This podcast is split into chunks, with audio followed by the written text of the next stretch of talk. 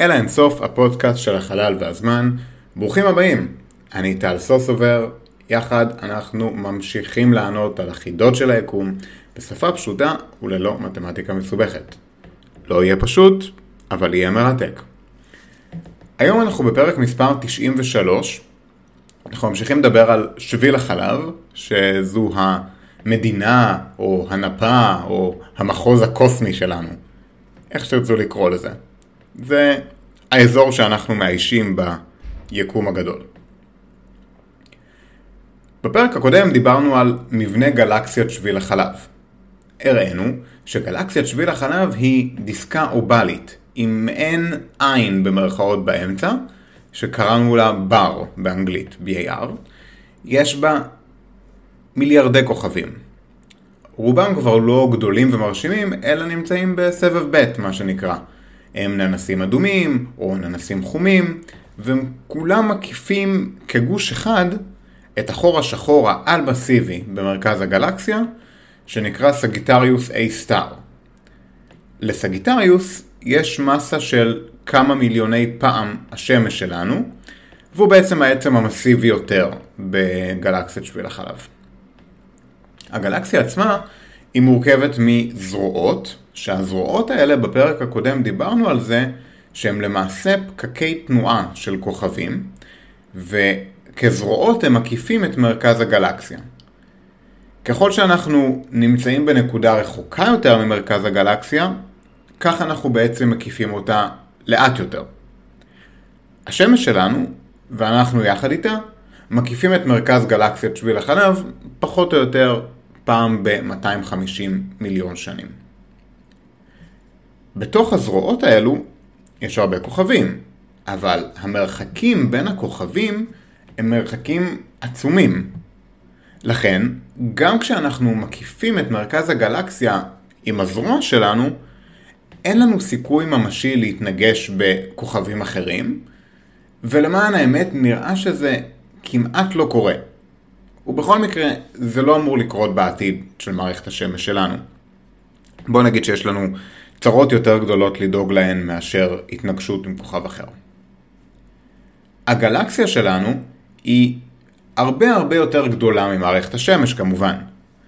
במשך מאות שנים הרבה חשבו שהיא בעצם כל היקום. אם היינו מכווצים את מערכת השמש לגודל של דיסק, אני מדבר על דיסק, מי שלא יודע, דיסק זה מה שפעם היינו שמים במכוניות כדי לשמוע מוזיקה, או בדיסקמנים, זה לפני שהיה פודקאסטים. אז אם מערכת השמש הייתה בגודל של דיסק, אז גלקסיית שביל החלב הייתה בגודל של כדור הארץ כולו. כן, כן. אני רוצה שתחשבו רגע על המרחבים העצומים של כדור הארץ לעומת דיסק, או תקליטור בעברית. גלקסיית שביל החלב היא עצומה, וראינו בפרק הקודם שגם מסע לכוכבים הקרובים ביותר בטכנולוגיות שקיימות לנו היום, זו משימה של כמה עשרות אלפי שנים במקרה הטוב.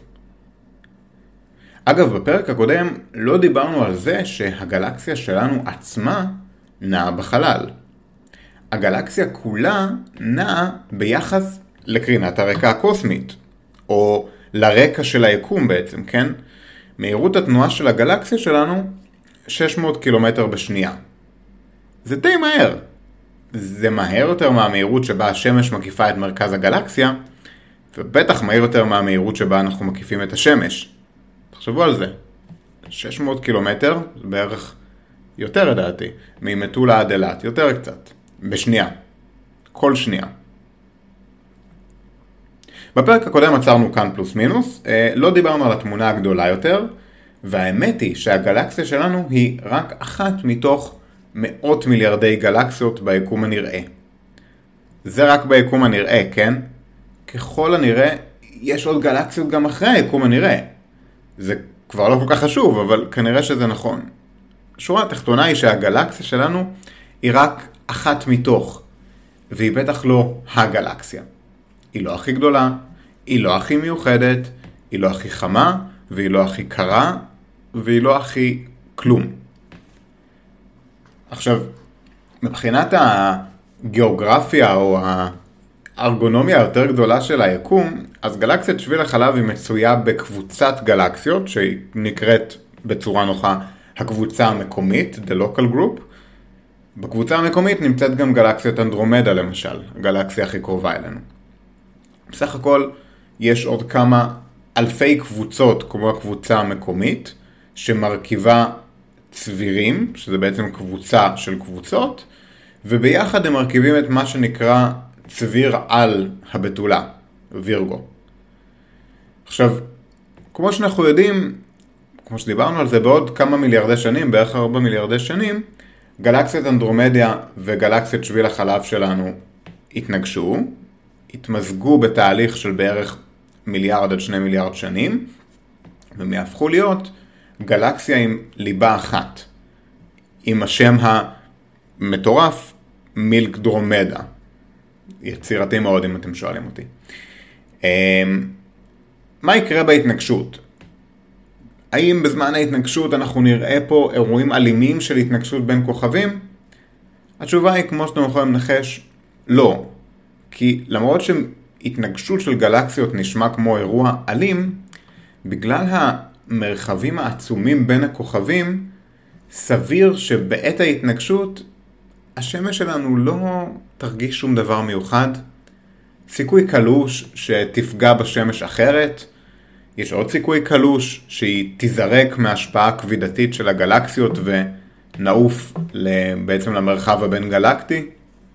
וגם אם היא תיזרק מהגלקסיה למרחב הבין גלקטי, הדבר היחיד שיקרה זה שהשמיים יהיו אפלים יותר ויותר, שזה עצוב, לא נראה כוכבים, אבל זה לא באמת משנה לנו או לשמש אם אנחנו ניזרק מהגלקסיה הממוזגת.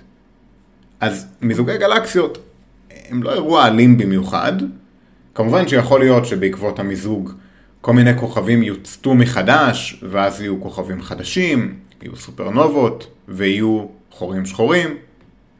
יהיה, יהיה מעניין, תקופה מעניינת, בעוד בערך 4 מיליארד שנים. אני כנראה כבר לא אהיה פה, אבל אם אתם תהיו אז תספרו איך היה. כל מה שעשיתי עד עכשיו זה בעצם הקדמה די ארוכה, אבל אני לא רוצה שנדבר על המבנה של שביל החלב הנוכחי, ולא על העתיד של שביל החלב שדיברנו עכשיו בקצרה. אני רוצה לדבר על ההיסטוריה של שביל החלב. על איך הגענו לפינה החמה, אם תרצו, שאנחנו תופסים ביקום, ומה היה פה לפני שהיה שביל החלב. בואו נתחיל מזה שהגלקסיה שלנו היום היא מאוד שקטה ורגועה לעומת העבר האלים שלה. העבר הזה אבל עלול לחזור על עצמו. בואו ננסה להבין. נתחיל מלהסתכל על מרכז הגלקסיה. לא רק שיש שם חור שחור על מסיבי, אלא גם הוא מוקף בהמון חורים שחורים קטנים יותר וכל מיני כוכבים שרוקדים אחד סביב השני. עכשיו, זה בהחלט נשמע קיצוני ואלים, וזה באמת קיצוני ואלים, אבל למען האמת, האזור הזה הוא שקט יחסית לגלקסיות אחרות שאנחנו רואים. מאז שאנחנו מסתכלים על החור השחור העל-מסיבי במרכז גלקסיית שביל החלב, אנחנו רואים שהוא לא מפריע לסביבה שלו יותר מדי. לעומתו, בגלקסיות אחרות, אנחנו מצליחים לראות פעילות רבה מאוד סביב מרכז הגלקסיה. גלקסיות עם הרבה פעילות מכונות גלקסיות אקטיביות. עכשיו, במרכז הגלקסיות האלו יש גרעין פעיל, שזה בעצם Active Galactic Nuclei, או AGN בקיצור. בגלקסיות כאלו עם AGN, החור השחור ממש אקטיבית עסוק בלבלוע כמויות אדירות של גז, מה שמוביל לשחרור עצום של אנרגיה. ה-AGNים החזקים האלה, הכי חזקים, נקראים קווזרים. הם מהירים פי כמה אלפי פעמים חזק יותר לעומת כל הגלקסיה שהם מאיישים ביחד. שוב, מדובר על ספיחה של חור שחור כל כך עוצמתית עד שהיא מהירה פי כמה אלפי פעמים יותר מאשר כל מיליארדי הכוכבים שמקיפים את הגלקסיות האלו, את מרכז הגלקסיות האלו. מטורף. עכשיו למיטב הבנתנו, גם הגלקסיה שלנו בעבר, בשלב מסוים, הייתה AGN. יש לנו מזל שהתקופה הזאת כבר הסתיימה. לפי שורת מחקרים אחרונים, נראה שהתקופה האחרונה בה Sagittarius A star, החור השחור במרכז הגלקסיה, היה פעיל, זה לא היה כל כך מזמן במונחים קוסמיים. בשנת 2010, אסטרונומים מהרווארד סמית'סוניאן השתמשו ב Fermi Gamma-ray Space Telescope בשביל לחפש ראיות לחומרים אפלים, לחומר אפל, סליחה, בחלקים הפנימיים של שביל החלב. למה שיהיה חומר אפל במרכז שביל החלב? לחלקיקי חומר אפל יש נטייה להתפזר בצורה אחידה.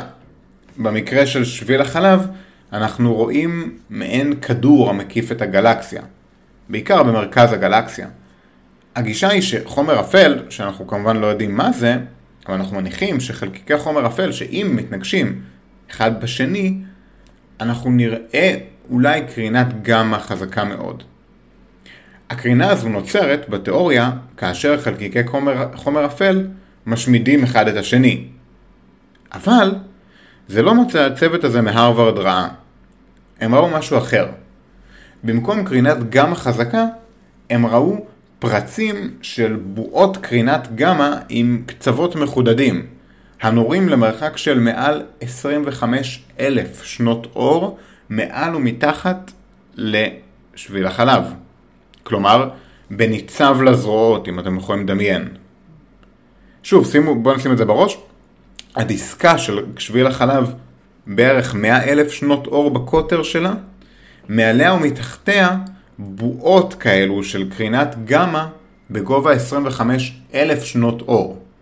זה, זה חתיכת דבר. הבועות האלו נקראות בועות פרמי או פרמי בבלס, כי הכל נשמע טוב יותר באנגלית.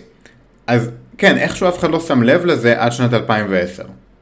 עכשיו, דיברנו על אנרגיה אפלה וחומר אפל בהרבה פרקים בהרחבה, זה לא פרק על חומר אפל, אלא על שביל החלב. אז, אז בואו נתרכז רגע בבועות האלה, ומה אנחנו לומדים מהם על שביל החלב. איך אף אחד לא ראה משהו כל כך מסיבי במשך כל כך הרבה זמן? נראה שמרכז הגלקסיה עצמו מואר בקרינת גמא. אם נסתכל על גרעין אטום לדוגמה, סתם פרוטון, כן, זה בדרך כלל גרעין אטום של מימן, הוא יכול לקבל תאוצה משמעותית כתוצאה מאנרגיה שנמצאת בסביבה שלו. דוגמה, סופרנובה. התאוצה הזו מהסופרנובה, מהאנרגיה, דוחפת את הפרוטון לאנרגיה אדירה, והוא מתנגש עם פרוטונים אחרים, מה שיוצר חלקיק בשם פיון, ועוד קצת דברים נוספים. הפיון הזה הוא ניטרלי והוא דועך לקרינת גמא. קרינת הגמא הזו היא קרינה שאנחנו רואים סביב שביל החלב. קרינת הגמא היא בעצם מה שיוצרת את הבועות האלו. אבל, האמת היא שבועות הפרמי האלו יצרו קרינה חזקה יותר דווקא באנרגיות חזקות יותר. האנרגיה האדירה הזו מקבילה למשהו כמו 100 אלף פיצוצי סופרנובה, שהם אחד האירועים הכי אנרגטיים, כן, ביקום בכלל. אז יש לנו קרינה אדירה, עם אנרגיה אדירה, אבל מה המקור שלה? מתי היא הופיעה? בואו נתחיל במתי. אפשר להסתכל על מהירות הגז בבועות האלו, ונראה שהוא נע במהירות של בערך 900 קילומטר בשנייה, ולכן לפי הגודל שלהם והמהירות אפשר להבין שהם בסך הכל בני כמה מיליוני שנים. כמה מיליוני שנים באסטרונומיה זה כלום ושום דבר. בטח בהתחשב בגיל הגלקסיה, 13 מיליארד שנים, או 13 אלף מיליון שנים, כן? אז זה קרה אתמול בבוקר, כמה מיליוני שנים. מה שקרה גרם להתפרצות כל כך אדירה. מה זה יכול להיות? אז האפשרות הראשונה היא באמת יכולה להיות מאות אלפי סופרנובות. נשמע מפחיד, כן? מאות אלפי פיצוצים אדירים, אבל זה ייתכן. זה לא כל כך נפוץ לראות סופות של סופרנובות. זה קורה, זה קורה בגלקסיות אחרות, בעיקר גלקסיות מאוד צעירות. לדוגמה, כאשר גלקסיה נוצרת, יש המון גז, הגז הזה מתערבב אחד עם השני, כוכבי ענק, קורס לסופרנובות. רואים את זה בעוד כל מיני גלקסיות. אבל זה נראה קצת לונג שוט לבוא ולהגיד שזה מה שיצר את הבועות האדירות האלה. קודם כל, כי כמו שאמרנו, זה קורה בגלקסיות צעירות יותר. דבר שני, צריך סופה חזקה באופן קיצוני כדי ליצור כל כך הרבה אנרגיה. אז זו אפשרות, אבל היא אפשרות די חלשה. בנוסף, אם היה לנו את הדבר הזה, היינו מצפים גם לראות הרבה כוכבי נייטרונים וחורים שחורים, כן? מה שנשאר אחרי הסופרנובות במרכז הגלקסיה. אבל אנחנו לא רואים כמויות שלהם שיכולות להסביר כמה מאות אלפי סופרנובות. אז זה קצת לא, לא תופס הטיעון הזה. אפשרות אחרת, הרבה יותר מפחידה. התפרסות זעם עצומה של סגיטריוס A סטאר עצמו. בואו ננסה להבין רגע מה יכול לקרות. אנחנו צריכים שהחור השחור במרכז הגלקסיה יהיה אקטיבי, כלומר במצב של AGN, ייצור כבזר רציני, משהו שהוא כמה מיליוני פעמים אנרגיית השמש בהתפרצות אחת, כן, תהיה לנו התפרצות של מיליוני שנים, שיוצרת אנרגיה של כמה מיליוני פעם השמש. בערך 90% מהמסה שנופלת לתוך החור השחור, היא נופלת פנימה, אבל בערך 10% ייפלט החוצה בג'ט מטורף של קרינת גמא, כן, זה הקרניים האלה שאתם רואים מעל ומתחת לחור שחור בציורים. הפליטה הזו של האנרגיה היא מה שיגרום לקווזרים להיות אחד האירועים הכי אנרגטיים ביקום. נראה שכדי ליצור את בועות פרמי, מספיק היה ל Sagittarius A star לבלוע רק במרכאות כוכב אחד, בעל כ-50 פעם מסת השמש, שבמקרה התקרב מדי לחור השחור. אז זה לא בדיוק קווזר, אבל מסה כל כך גדולה שמגיעה לחור השחור, יכלה ליצור ג'ט חד פעמי חזק מאוד של קרינת גמא. גם פה יש בעיה. הבעיה היא שהג'טים של עצמם לא אמורים ליצור את הבועות האלה. אנחנו רואים בגלקסיות אחרות ג'טים שהם יותר עמוד או קו, כן? לא, לא בועה. הבועות האלו הן חלקות מדי ועגולות מדי בשביל להיות ג'טים. אז מה זה יכול להיות? כנראה שילוב של השניים. כוכב עצום מגיע למרכז החור השחור, למרכז הגלקסיה, סליחה, לחור השחור, פלט המון אנרגיה, הניע היווצרות של המון כוכבים, המון סופרנובות, מה שהוביל לפיצוצי משנה, מה שיצר את הבועה הזאתי. זה הניחוש הכי טוב שיש עד כה, יש עוד הרבה מה ללמוד, אבל נראה שהיה אירוע אלים כלשהו לפני כמה מיליוני שנים במרכז הגלקסיה. אז מה זה אומר לנו בעצם? מה זה אומר לנו על העתיד שלנו? כנראה שאנחנו לא צריכים להיות בפאניקה מיד. ובכל מקרה, אפילו אם תגיע לפה קרינת גמא, היא בגדול תיבלע באטמוספירה שלנו. יחד עם זאת, כאשר ההתפרצות הזו קרתה לפני כמה מיליוני שנים, ובעקבותיה הסופרנובות שקרו, היו כנראה בהירות גם לעין בלתי מזוינת בשמי הלילה, היינו רואים מקורות אור גדולים מהסופרנובות. שמי הלילה לפני כמה מיליוני שנים, ככל הנראה, היו הרבה יותר בהירים ממה שהם היום. כמובן שאי אפשר לדעת בוודאות, אבל מעניין. תחשבו על אה, דינוזאור מרים את הראש שלו לשמיים, רואה הרבה יותר אור ממה שאנחנו רואים היום. בכל מקרה, לפחות עד הפעם הבאה. אז מתי הפעם הבאה? נראה שיש עלייה בשנים האחרונות בפעילות של קרינת הרנטגן מאזור סגיטריוס A סטאר. יכול להיות שזה מלמד אותנו על העתיד לבוא, ואולי גם לנו צפויות עוד הערות בשמי הלילה. עכשיו, זה מה שקורה כרגע. בנוגע לעבר, נראה שלפני כ-13 מיליארד שנים נוצרה הגלקסיה שלנו גם כן על ידי קווזר. עכשיו תראו, היקום לפני 13 מיליארד שנים היה שונה מאוד מהיקום שאנחנו מכירים כיום. היקום הקדמוני, עוד לפני הגלקסיות הראשונות, היה מקום מאוד סואן, צעיר, תוסס, מיוזע. כוכבים נוצרו והתפוצצו בקצב מהיר מאוד. הם מה שיצר את הגלקסיות הגמדיות הראשונות, שהמיזוג שלהן הוביל את היווצרות הגלקסיות הבאות, הגלקסיות המסיביות שאנחנו חיים בהן היום, שביל החלב. מה קרה ספציפית במקרה של שביל החלב? נראה ששרשרת האירועים המדויקת שהולידה את שביל החלב לא הייתה מובנת כל כך עד כה. אבל מדידות מדויקות של מיקום, בהירות ומרחק של משהו כמו מיליון כוכבים מהגלקסיה שלנו במרחק ממוצע של 6,500 שנות אור מהשמש הושגו באמצעות טלסקופ החלל גאיה ובאמצעותם אה, צוות מהמכון לאסטרופיזיקה של האיים הקנריים בספרד הם הצליחו לחשוף כמה משלביו הראשוניים של בעצם ההיווצרות של שביל החלב. נראה שהמחקר הזה, שלוקח בחשבון מחקר סטטיסטי וביג דאטה ולא רק הסתכלות ישירה, המחקר הזה מלמד אותנו שההתפלגות של הצבעים, הגדלים, הבהירויות של הכוכבים בשביל החלב שונים מהמודלים התאורטיים שהיו לנו בראש עד כה. הצוות שחקר את זה חילק את הכוכבים לשתי קבוצות בהתאם למיקומים שהוא ראה. העילה שמקיפה את הגלקסיה, ומישור הגלקסיה או הבר שדיברנו עליו. לפי המאמר שהתפרסם בנייצ'ר, נראה שהעילה הגלקטית מורכבת משני סוגי כוכבים. אחד מהם בעל ריכוז גבוה יחסית של כוכבים כחולים, שהם כאמור מסיביים מאוד.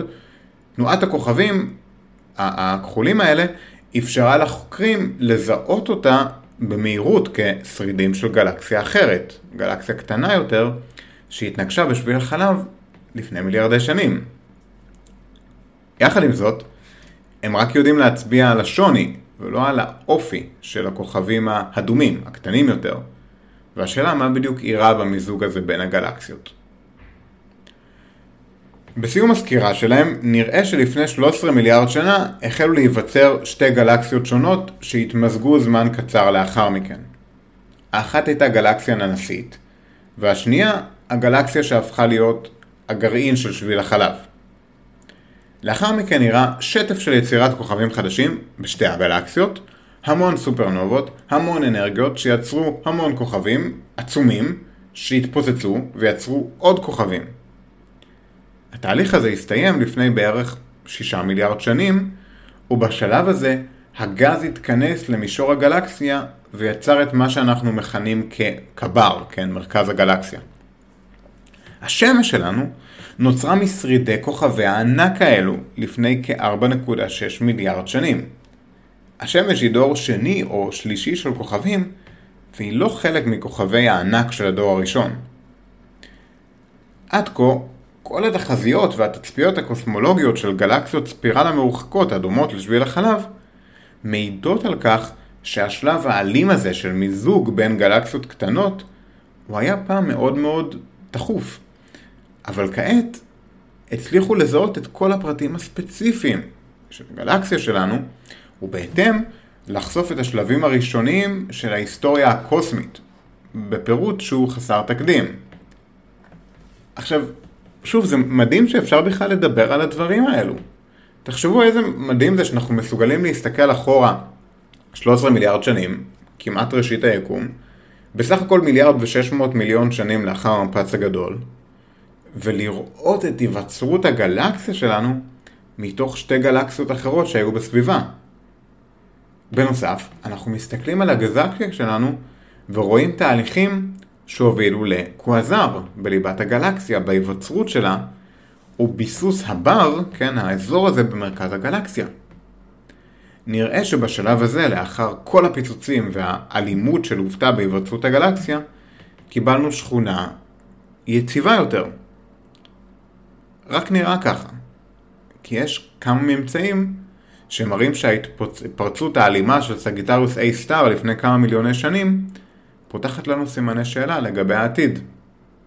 מי יודע, אולי גם אנחנו בקרוב נראה את שמי הלילה בהירים הרבה יותר. אוקיי חברים, בואו נסכם את הפרק. אז היום הרחבנו את השיחה שלנו על שביל החלב מהשבוע שעבר.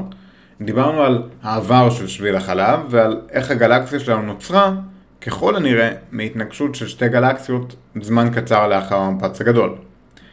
הגלקסיה שלנו עברה תהליכים במסגרתם נוצרו כוכבים, התפוצצו, נוצרו עוד כוכבים, ולאט לאט התבסס לו המבנה המוכר שלנו של שביל החלב. נראה שגלקסיית שביל החלב רחוקה מלהיות רדומה. החור השחור בליבת הגלקסיה, סגיטריוס A סטאר, הוא לא נח לרגע. לפני כמה מיליוני שנים הוא בלע כוכב ענק בתהליך שככל הנראה הוביל להיווצרות של כוכבים וסופרנובות נוספות, מה שיצר הילת קרינת גמא סביב הגלקסיה.